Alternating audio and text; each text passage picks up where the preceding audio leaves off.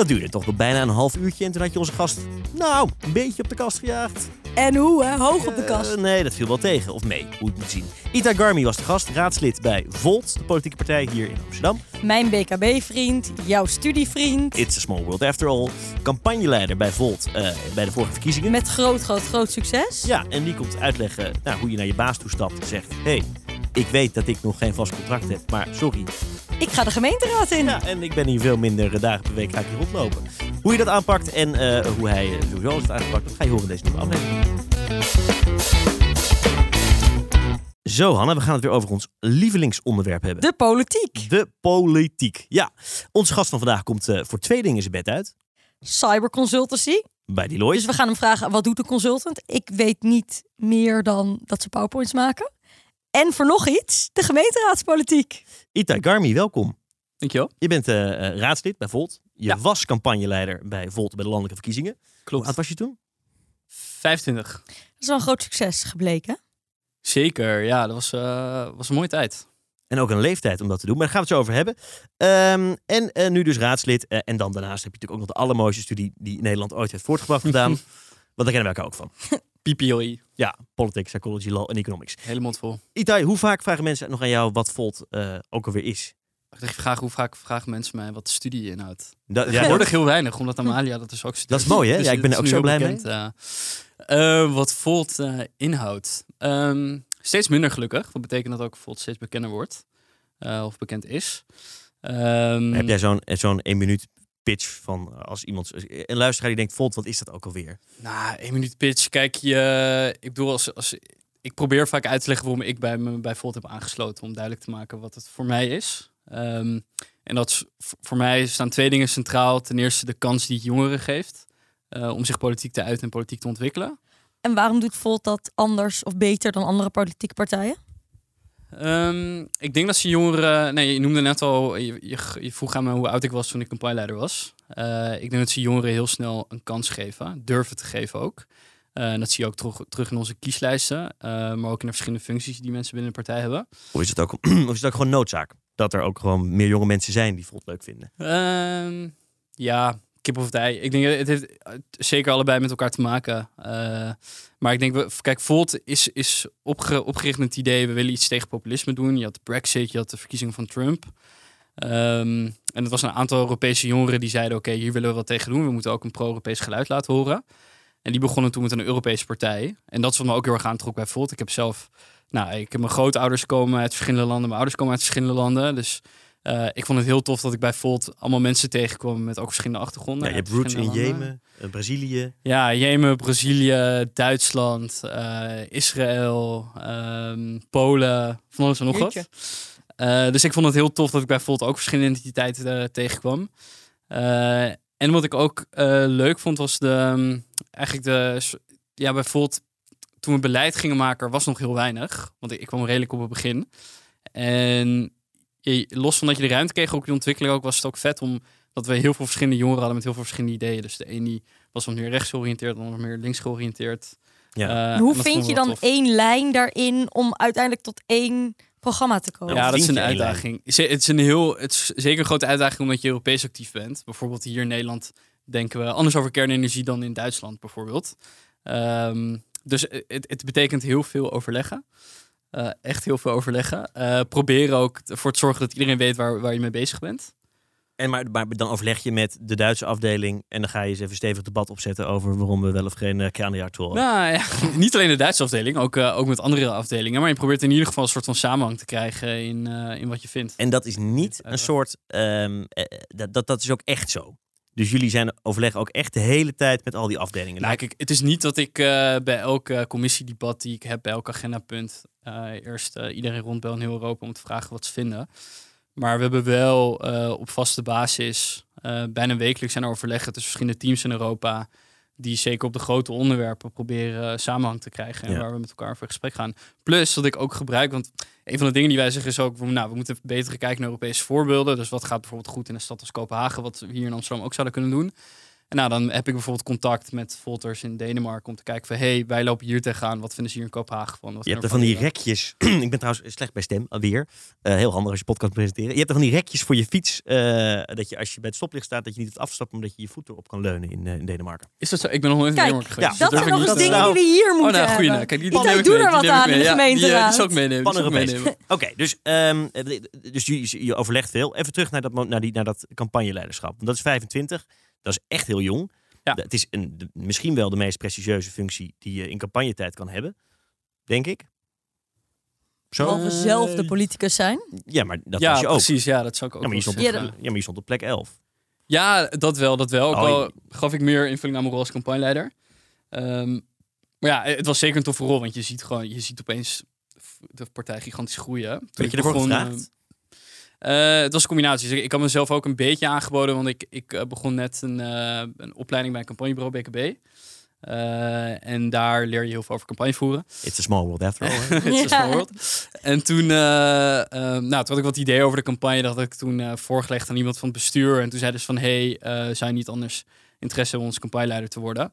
En het was best wel eh, voor mij een, vraag, een groot vraagteken of ik het wilde doen. Omdat ik ehm, nog geen vast contract had bij mijn werkgever. En corona eh, begon net. En toen was het ook van, ja, hoe ga ik een vast contract krijgen of niet? Er was veel twijfel over.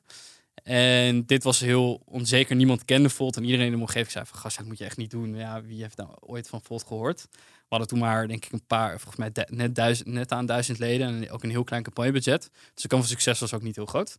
Ehm, en toen had ik geluk dat mijn baas eigenlijk eh, bij Deloitte zei van... Ja, gast, ga er gewoon voor. Het once in your lifetime opportunity. Go for it.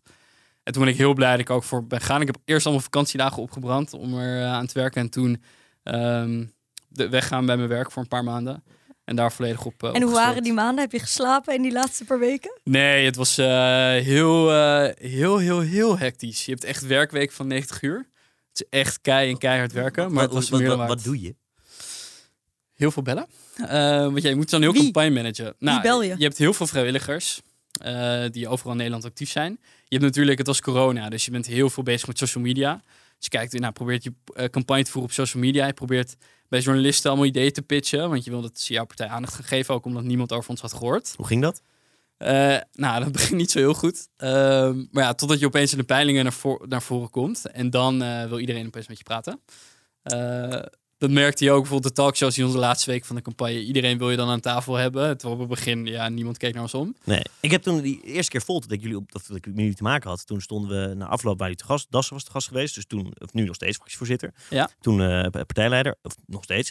En die stond naar Segers van de ChristenUnie. En eh Gert-Jan is echt wel een beschaafde man natuurlijk ook. En die vroeg van, eh, ja, hoe gaat het eigenlijk? En, en, en Dassen die zei, ja, het gaat uitstekend. We hebben in Zurich net best goed gescoord.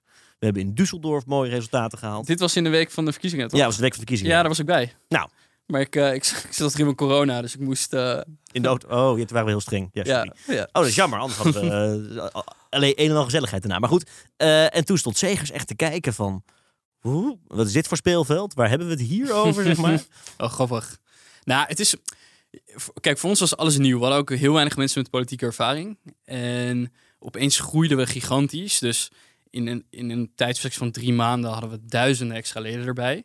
Ehm, en dan moet je allemaal proberen goed te zien managen. En je wil natuurlijk ook dat iedereen met een consequente zelfde boodschap naar buiten toe treedt. Ja, je wil alle gekken vermijden. voeren. Ja, goed, dat ook. Maar dat, dat is heel moeilijk om overzicht over te houden. Maar je wil in ieder geval de campagneboodschap goed overkomt. En nou, je wil ook eh, kijken waar, waar liggen kansen. Dus bijvoorbeeld als dan een, eh, een bekende presentator ons noemt, dat je dat dan ook even uitvergroot en laat zien op social media. Kijk. Ehm, en, en het hielp denk ik ook dat eh, veel, we zien gewoon terug dat veel jongeren op ons stemmen. Dus nou, dan dachten we, oké, dan maken we als focuspunt ook veel op social media campagne voeren. En we maakten ook jongeren verantwoordelijk voor een social media campagne. Nou, dat soort dingen hebben wel eh, goed gewerkt uiteindelijk. Was het zwaar? Ja, zwaar, zeg je. Wa- Was je er moe van aan het einde? Dacht je, dit nooit meer? Nou, het was Dit gewoon nooit meer. Er zit nu in de Kijk, gemeenteraad. ja, nee, dus- dus, dus- De- Ja. Nee, ik zeg dat zeker niet. Ik heb de adrenaline kick die je krijgt ook omdat je wat leuk is aan, aan campagnetijd is dat je steeds die peiling ook ziet elke week of om de zoveel weken. Dus dan zie je de resultaten eigenlijk van, van datgene wat je doet. En volgens die verkiezingen zelf, nou, dan voel je helemaal een extase. En dat was een heel maf verkiezingsavond, was coronatijd. Dus ja, je, we waren echt met heel weinig mensen. Echt alleen mensen die heel nauw betrokken waren bij de campagne. En echt heel veel pers is daar dan ook bij. Je moet die afstand houden. En dan zag je op tv van eh, de eerste exit polls uitslagen. Je kan elkaar niet knuffelen. Sowieso heel awkward een box.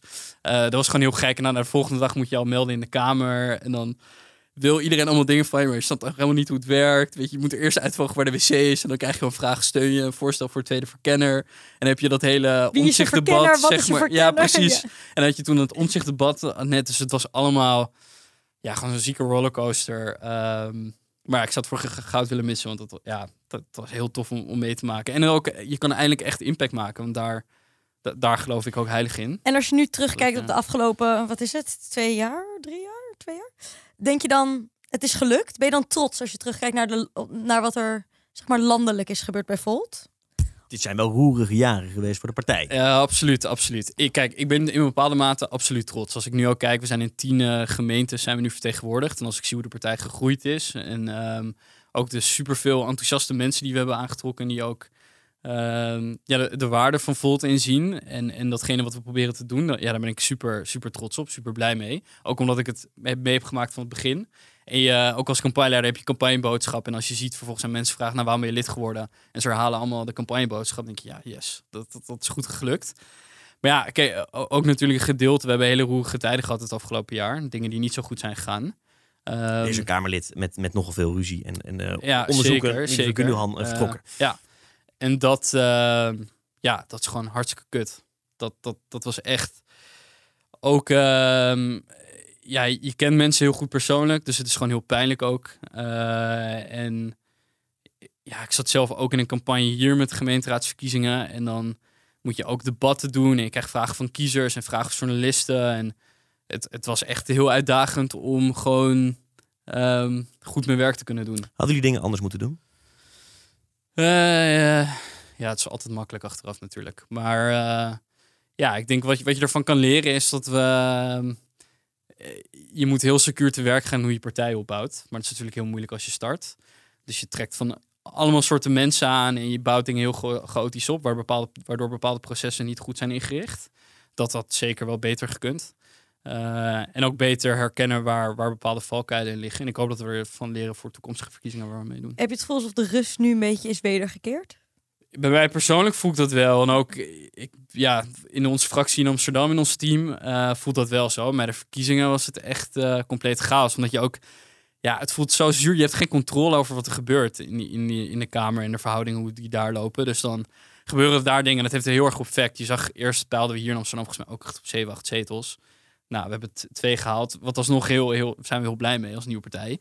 Ehm, maar ja, je hebt gewoon nul effect daarop. En eh, ook ja, je wil praten over inhoud, je wil praten over je plannen voor de stad. Maar ja, dan krijg je vooral vragen over wat vind je van de situatie in de Tweede Kamer met, eh, met jullie Kamerlid en dat soort dingen. Ja, dat is wel even balen. Fijn dat het achter de rug is. Misschien nog even terug naar je werk. Ja. Want je baas heeft je dus vrijgegeven. Wat doe je eigenlijk allemaal? Hoeveel, da- consultant. hoeveel dagen per week ben je consultant? Hoeveel dagen per week ben je gemeenteraadslid? Ehm, nou, in mijn geval nu is het zo dat ik alle dagen consult ben en alle dagen gemeenteraadslid. Want dat komt, ik heb nu eh, werk ik eh, officieel 24 uur voor Deloitte. En de rest van de tijd spendeer ik aan. Maar ja, zeker als je een nieuwe partij bent in de gemeente, moet je alles van A tot Z opbouwen. Eh, je hebt ook geen bestaand beleid waar je op kan bouwen. Natuurlijk, je hebt een verkiezingsprogramma en een beleidsprogramma. Maar die is niet allesomvattend. Er Nee, gebeurt veel meer in de stad. Samen met Juliette, jullie doen met z'n tweeën, Juliette Ja. Broersen, eh, heb jij gewoon heel veel onderwerpen die, waar de gemeente over gaat. Moet Precies. jij iets van vinden en alles over Ja. weten. Dus je, ja, je moet heel veel inlezen. En je moet ook gewoon begrijpen hoe de raad werkt. En je moet een beetje zelfvertrouwen krijgen om de debatten aan te gaan met mensen die vaak veel langer dan je in de raad zitten. Ehm, Je debatteert met niet de minste. nee, zeker weten. Eh, en in Amsterdam, Amsterdam heeft ook graag toch gewoon veel aandacht. Er zit altijd pers bij. Dus ja, het zijn allemaal dingen die eh, bewust of onbewust effect op je hebben. Eh, de, en je moet gewoon een organisatie opbouwen. Je moet mensen aannemen. Ik ben opeens werkgever. Nou, het zijn allemaal dingen waar je rekening mee moet houden. En waar je eerst helemaal geen, ja, geen ervaring mee hebt. Dus dat neemt heel veel tijd in beslag. Maar dat is ook het, het leukste eraan. En dan heb, je, heb ik dus nog daarnaast 24 uur wat ik bij Deloitte ook moet spenderen. Maar daardoor PowerPoints maken. onder, eh, vooral, ja, daar heb je helemaal gelijk in hoor. Het is veel PowerPoints maken. Ehm, maar ja, daardoor werk je wel. Elke dag doe je verschillende dingen. Ik kan niet echt zeggen, oké, deze dag werk ik alleen voor Deloitte en de andere dag werk ik alleen voor Volt. Omdat er gewoon te veel dingen door elkaar En is er ooit belangenverstrengeling? Kan dat? In dat je in je dagelijkse werk dus bij Deloitte een, een of ander bedrijf adviseert die iets doet. Ja, ik weet niet. Nou, ik, ja. ik, eh, ik doe bewust geen klantwerk bij Deloitte. Dus ik ben Ah, vooral intern bezig. Eh, maar ja, dat risico loop je altijd. En daar moet je wel heel bewust mee omgaan. Dus ik heb ook tegen mezelf gezegd, oké, als... ehm, ik, Deloitte doet ook verschillende projecten met, met gemeenten. Ik heb niet per se goed voor ogen wat voor projecten ze in de gemeente Amsterdam doen. Maar als ik daar ene, als het mijn, mijn eh, portefeuille aanraakt, ga ik daar niet het woord over voeren. Ga ik ook niet bij die vergadering aanwezig zijn. En ga ik zelfs ook als er een fractievergadering is en het gaat voor dat onderwerp, stap ik ook naar buiten. Ehm, ja, dat, dat, dat vind ik wel heel belangrijk. Maar, Maar tot nu toe ben niet ik niet. gecontroleerd vanaf buiten, toch? Dit is echt jij die zelf zegt, dit is niet, weet je wel, hier... Nou, ik heb wel bij Deloitte eh, heb ik wel eerst toestemming moeten krijgen om dit te kunnen doen. Dus die Deloitte heeft wel een check gedaan of, of mijn werk met Deloitte geen, niet voor belangenverstellingen zorgt. Maar uit die check kwam naar voren dat dat niet het geval is. Alleen ja, ik moet, is wel iets waar ik scherper moet blijven. En Deloitte ook scherper moet blijven. Was je voordat je bij Volt ging eh, politiek actief? Ja, ik ben lid geweest eh, van de Partij van de Arbeid. Eh, eigenlijk van jongs aan. En eh, Waarom ben je overgestapt? waarom ben ik overgestapt? Ehm, Maar je komt uit de politiek van, van, van, van jongs af aan. eh, klinkt alsof je dus al op jong dat dan was je dus uit een politiek nest. Nou, niet per se een politiek nest. Mijn opa die is wel eh, in Israël is hij politiek actief geweest. Maar ik, ehm ik heeg altijd een beetje van, van mijn familie mee dat ik iets terug moet geven aan de gemeenschap waarin ik opgegroeid ben. Eh, ook omdat ik zelf uit een best wel uit de, Joodse gemeenschap kom, wat best wel een hechte gemeenschap is, ook in Nederland. Het is een hele kleine gemeenschap. Ehm, en ik kreeg altijd mee van ja, je moet, je moet daar iets aan teruggeven. Voor mij was dat. Ik weet nog dat ik eh, toen ik jong was een serie in Europa keek van Geert Mak. Waarbij hij eigenlijk verschillende dingen uit de Europese geschiedenis pakt. Groot Volt dan- trouwens. Geert Mak, maar goed dat er zijn. ja, die, en die analyseert. Ehm, en ik zag al heel vaak kwamen er politieke leiders in naar voren die heel veel impact hebben gehad op de manier waarop wij leven, op onze geschiedenis. Zowel negatief als positief. Eh, en toen kwam bij mij het idee van ja, eigenlijk de manier waarop je het meest positieve impact kan maken en iets teruggeven aan de maatschappij waarin je opgegroeid bent. Want dat, dat stond altijd bij ons centraal. Is, eh, was voor mij de politiek. Want dan kan je beleid maken wat invloed heeft op, op miljoenen mensen. Dus dat was voor mij motivatie van oké, ik wil politiek actief worden. En ik zie mezelf als een als sociaaldemocraat nog steeds. En voor mij was dat toen, eh, toen de PvdA. Ehm, En waarom is dat dan nu niet meer de prachtige Partij van de Arbeid? En waarom ben je overgestapt naar de consultantpartij van Nederland? nou, Dus ik vind Volt zeker niet de miljoenen consultantpartij van Nederland. Maar dat is misschien een andere discussie die we straks kunnen voeren. Maar ehm, ik, de reden waarom ik toen weg ben gegaan was eh echt twee redenen. Eén was, als jong persoon kwam je er totaal niet tussen. Eh, en het was echt een machtspartij geworden. Dus ja, ik, ik had het gevoel toen ik bij activiteiten was dat ik niet echt met mensen zat die heel idealistisch waren, maar meer mensen die op zoek waren naar een politiek baantje. Ik moet eerlijk bekennen dat ik nu, eh, als ik zeker de PvdA ook in de gemeenteraad zie, eh, dat die indruk totaal Maar niet wacht meer even. Ik, eh, Volt is toch ook een partij waar mensen die zich... Er zit toch ook een, een sfeer omheen van jonge, ambitieuze mensen... die, die en iets goeds willen doen voor de wereld ongetwijfeld... maar die het ook gewoon interessant vinden. Oh, ja, maar dat, is- dat is niet per se verkeerd. Alleen, ik had het gevoel toen ik bij Volt kwam dat ik daar met veel meer mensen zat die de energie, echt veel positieve energie wilden steken om, om echt de wereld te De Partij van de veranderen. Arbeid maakt veel meer ruzie met elkaar. Dat, die zijn meer... Ja, Ja, dat, dat merkte ik toen niet eens. Maar ik, ik had toen het gevoel van ja, als, en als jong persoon wordt er niet naar, echt, echt naar me geluisterd. En ten tweede ook dat het gewoon niet. ehm, ik, ik denk omdat PvdA toen zo lang aan de knoppen draaide, Ja. eh, dat het ja, dat er gewoon mensen, het trok mensen aan die niet per se echt sociaaldemocraat waren of ide- idealistisch waren over een idee. En bij Volt had ik dat gevoel wel veel meer. Maar dat teruggeven aan die gemeenschap is dan is er wel voor jou in de, in de breedte. Als je, het is niet dat je zegt, ik, ik kom uit een hechte Joodse gemeenschap en ik wil me daarvoor inzetten. Ehm, dat- is oh nee, is absoluut, absoluut in de breedte. Eh, omdat ik ja, ook heilig van geloof dat de uitdagingen die we in deze wereld hebben, moeten we met elkaar oplossen. Eh, en dat gaat niet alleen lukken in je eigen gemeenschap. Ehm, maar ik denk wel dat het daarbij begint. En dat is ook wat ik vaak probeer mee te geven in mijn politieke boodschap. Is dat het goed zou zijn als we wat meer empathie naar elkaar zouden tonen. En wat meer solidair met elkaar zouden zijn. En dat kan je op heel veel verschillende manieren uiten. Of nou in je eigen straat is, van je buurt of met je voetbalclub. Eh, ik, ik probeer het eh, wat breder aan te pakken, inderdaad. Ehm, maar ook in de Joodse gemeenschap. Ik heb, vroeger was ik daar heel actief misschien besturen en ook proberen daar wat terug te geven. En nu probeer ik me ook in te zetten voor, voor onderwerpen waar, waar ik denk dat we als stad ehm, ja, ons meer over moeten uitspreken. En die, en die heel belangrijk zijn voor, voor mensen die kwetsbaar zijn in onze samenleving. Zit het je ooit in je weg, in de weg, je Joodse roots? Als je kijkt naar haatreacties online. Eh, ja. Of Ja, vragen die eh, af en toe gesteld worden over bepaalde dingen uit je verleden. Zeker. Je hebt een jaar in Israël gewoond. Klopt. Eh, je opa woont daar dus eh, woont daar nog. Ja. Eh, ja, ik heb daar nog best wel veel familie. Wel eh, ja. Wat heb je daar gedaan? Ehm, nou, mijn, eh, mijn doel was vroeger om eh, vrede te brengen tussen de Israëli's en de Palestijnen. Heel Dat lief en mooi doel. eh, en ik, ik dacht, oké, om dat doel voor elkaar te krijgen, moet ik premier worden van Israël. Dus ik, mijn doel was om premier te worden van Israël. En dat betekende ook dat, ehm, nou, als je daar serieus wil, genomen wil worden in de politiek, moet je, moet je iets hebben gedaan met het leger. En voor mij besloot ik toen ik 18 was ehm, om, om een militair programma te volgen in Israël. En eh, ja, voor, voor mij, ik, ik, heb, ik heb daar toen, eh, ik heb mijn opleiding daar afgerond en, en mijn diploma daar ook toe gehaald. En ik, ehm, het was heel leerzaam en heel uitdagend ook. Is, is dat de dienstplicht waar in principe iedere... Nee, dus je kan. Ik heb ook een Israëlisch paspoort. Dus in principe heb ik ook dienstplicht. Alleen omdat ik hier ben opgegroeid en opgevoed, eh, hoef ik daar geen invulling aan te geven. Dus het was wel echt een eigen keuze om daar naartoe te gaan. Eh Israëli's die daar wonen, eh, die hebben gewoon dienstplicht. Ehm, en wat ik eigenlijk heb gedaan is, eh, ik, ik heb een vooropleiding gedaan en die heb ik eerst afgerond. En toen kreeg ik de keuze, omdat ik hier vandaan kom, nou wil je door of wil je terug? En toen besloten om terug te gaan. En dit is heel leerzaam geweest, maar ik kan me inderdaad, wat jij net zei, Hanna, ook voorstellen dat dit iets is wat dan weer terugkomt. Als je het hebt over antisemitische bagger. Uh, Ja, in het publieke domein mengt. Nou, het is, mensen vinden het moeilijk te begrijpen dat. Ehm, kijk, ik zie Israël als een tweede thuis. Ik spreek de taal en ik, ik, eh, ik heb daar veel familie. Ik heb er nu ook veel vrienden. En ehm, ik, ik hou van het land. Alleen ik, ik steun zeker de huidige regering walgelijk. Eh, en het beleid wat ze voeren steun ik totaal niet. Alleen, ja, het is wel iets waar ik mee een bepaalde verbindenis mee heb. En dat zal ik altijd, ja, dat, dat zal ik altijd blijven houden. En eh, ik, ik denk juist ook door de dingen. Ik, ik probeer me juist altijd daar ook heel erg in te zetten van voor vrede en, en voor veiligheid. Ook, want het is. Ik vind altijd gewoon de politieke thema's die we hier hebben zijn ook super belangrijk. Alleen daar zie je nog veel heftiger wat, wat conflict situaties met mensen kan doen. En ehm, daar is de samenleving ook een stuk harder. En dat is ook een van de redenen waarom ik het terug ben gaan. Alleen, ehm, ja, het is, ik ben, voel me nog steeds betrokken bij. En ik, ik, ik lees daar ook het nieuws. En ik probeer daar nog steeds op de manieren dat ik kan me in te zetten voor, voor die vrede. Maar wat voor reacties lokt dat uit? Eh, nou, ik heb bijvoorbeeld toen ik eh, actief werd voor Volt ehm, en op de kandidatenlijst stond, eh, dat er op social media heel veel haatreacties kwamen.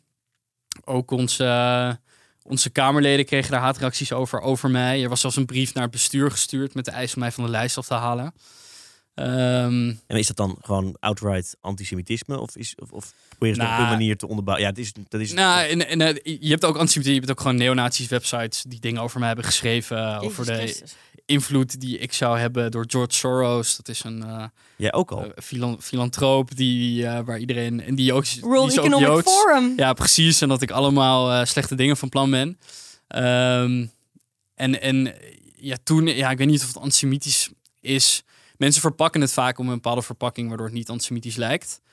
Eh, Maar wat alleen... zionistisch of... eh, Ja, die, die gooit dan op eh, het feit dat ik eh, mijn betrokkenheid bij Israël. Dat vinden ze heel ingewikkeld. En er was zelfs ook afgelopen verkiezingen dat een kandidaat raadslid van een andere partij een foto van mij op Instagram had gepost.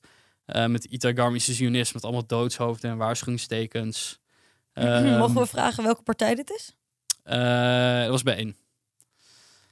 En ehm, ik, ja, je maakt gewoon. De nuance ontbreekt. En het is heel moeilijk om dat aan te brengen, zeker op social media. En je moet ook soms keuzes maken op wie ga ik wel of niet reageren. Wie is gewoon puur aan het trollen. Vaak zijn het namelijk ook anonieme accounts. Eh, maar met wie kan ik echt een serieus gesprek over voeren? En ik vond het eerst heel ongemakkelijk om mee om te gaan. Ik dacht van ja, wil ik dit überhaupt wel vertellen aan de wereld? En sowieso, ehm, mijn ouders vonden het ook doodeng. Ik heb juist geleerd ook van huis uit om een beetje te verbergen wie ik ben.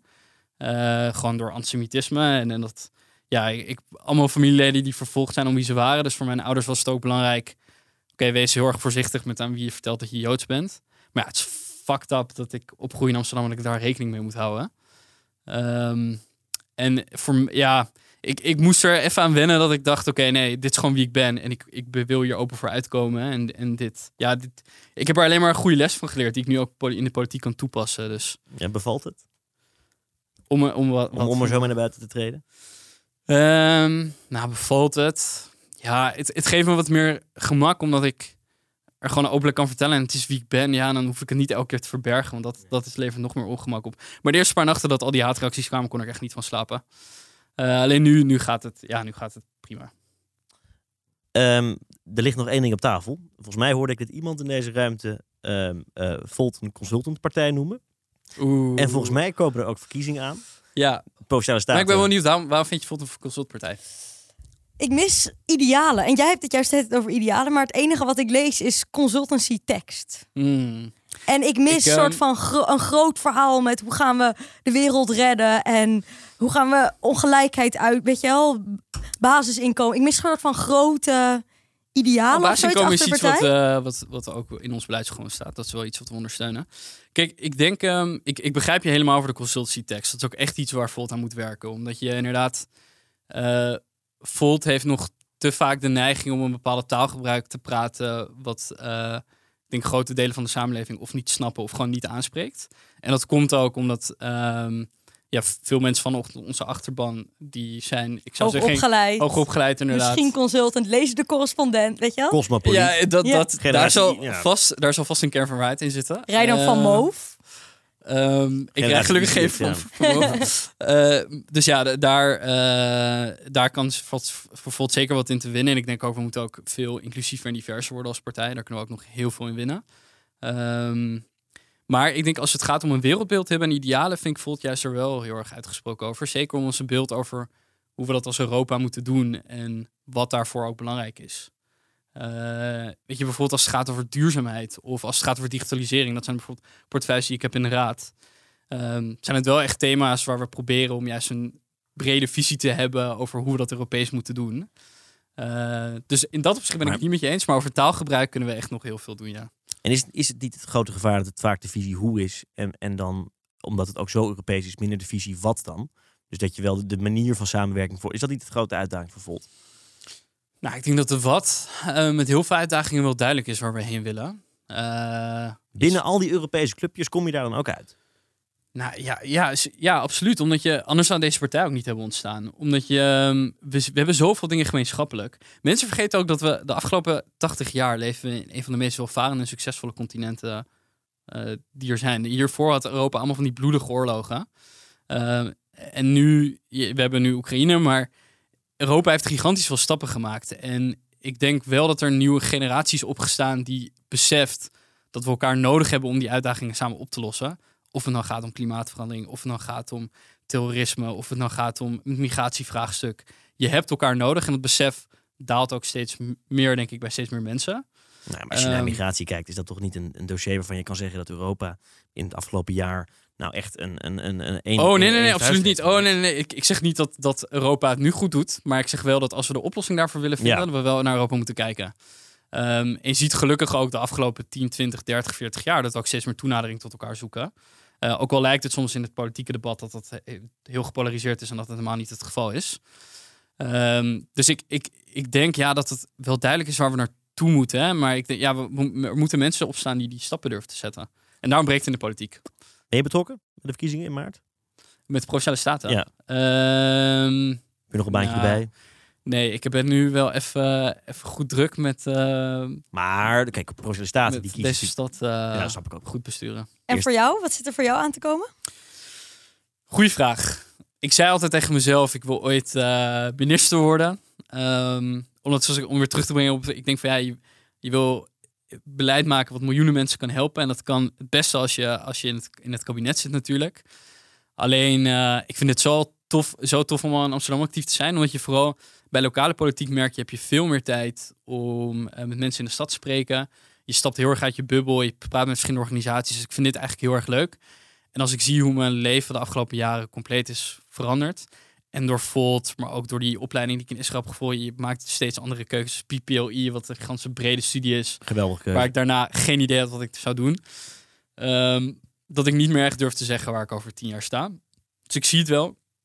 En tot nu toe probeer ik gewoon van te genieten en kaart mijn best doen. Dit termijn afmaken en dan zien we weer verder. Precies, exact. Ik heb nog één vraag. Ja. Iemand die luistert en die denkt, shit, ik heb best een vette baan. Ik heb een jaarcontract. Maar ik wil eigenlijk 16 uur per week, terwijl iedereen gewoon fulltime werkt, in de raad gaan werken. Hoe de fuck begin je dat gesprek met je baas? Oeh, uh, goede Klop je dan aan van ha? Kijk, kan ik even zitten? Ik, uh, ik vind het, um, en dat geldt eigenlijk voor alle bedrijven. Ik denk dat het bewonderenswaardig is dat we mensen in onze samenleving hebben die zich, willen, die zich politiek willen inzetten. Die kaart willen werken om uh, onze samenleving een beetje beter te maken. En zeker nu een politicus zijn, of het nou op lokaal niveau is of landelijk niveau of pro provinciaal. Het is geen sexy baan. Het is keihard werken. Uh, gigantisch veel bedreigingen. Mensen, die werkdruk is gigantisch hoog. Um, dus er mag wat meer bewondering komen in onze samenleving voor, voor, uh, voor deze functies. En ik denk, als je bij je baas komt met het boodschap, luister is, ik wil wat goed doen voor deze maatschappij. Uh, en dat kan op heel veel verschillende manieren. Je hoeft niet meteen politiek kandidaat te worden. Zeker bij zo'n partij zijn er zoveel manieren waarmee je uh, actief kan zijn en je kennis kan delen. Um, denk ik dat je als baas daar goed naar moet luisteren en alleen maar in je handen moet knijpen dat je dat soort mensen in je omgeving Dus als je baas zegt nee, mag niet gaan weer doen, heb je gewoon de verkeerde baas te pakken. Vind ik wel, vind ik wel. Maar luister, ik, ik weet ook dat lang niet iedereen een voorrecht heeft die ik heb. Dat ik toevallig bij een bedrijf werk waar die mogelijkheden wel zijn. Want ik weet dat sommige mensen die, zeg maar, die kans helemaal niet krijgen. Um, dus aan die zou ik willen meegeven van ja, denk goed na over wat je wil. Uh, en probeer ook bij mensen aan te sluiten in de tijd die je wel dan misschien over hebt om toch nog je politieke ideeën te kunnen, uh, te kunnen uiten. En uh, hopelijk kunnen wij als vertegenwoordigers dat soort mensen ook goed vertegenwoordigen. Als je die kans zelf niet hebben. Mooi advies. Dankjewel. Dankjewel. Leuk dat je er was.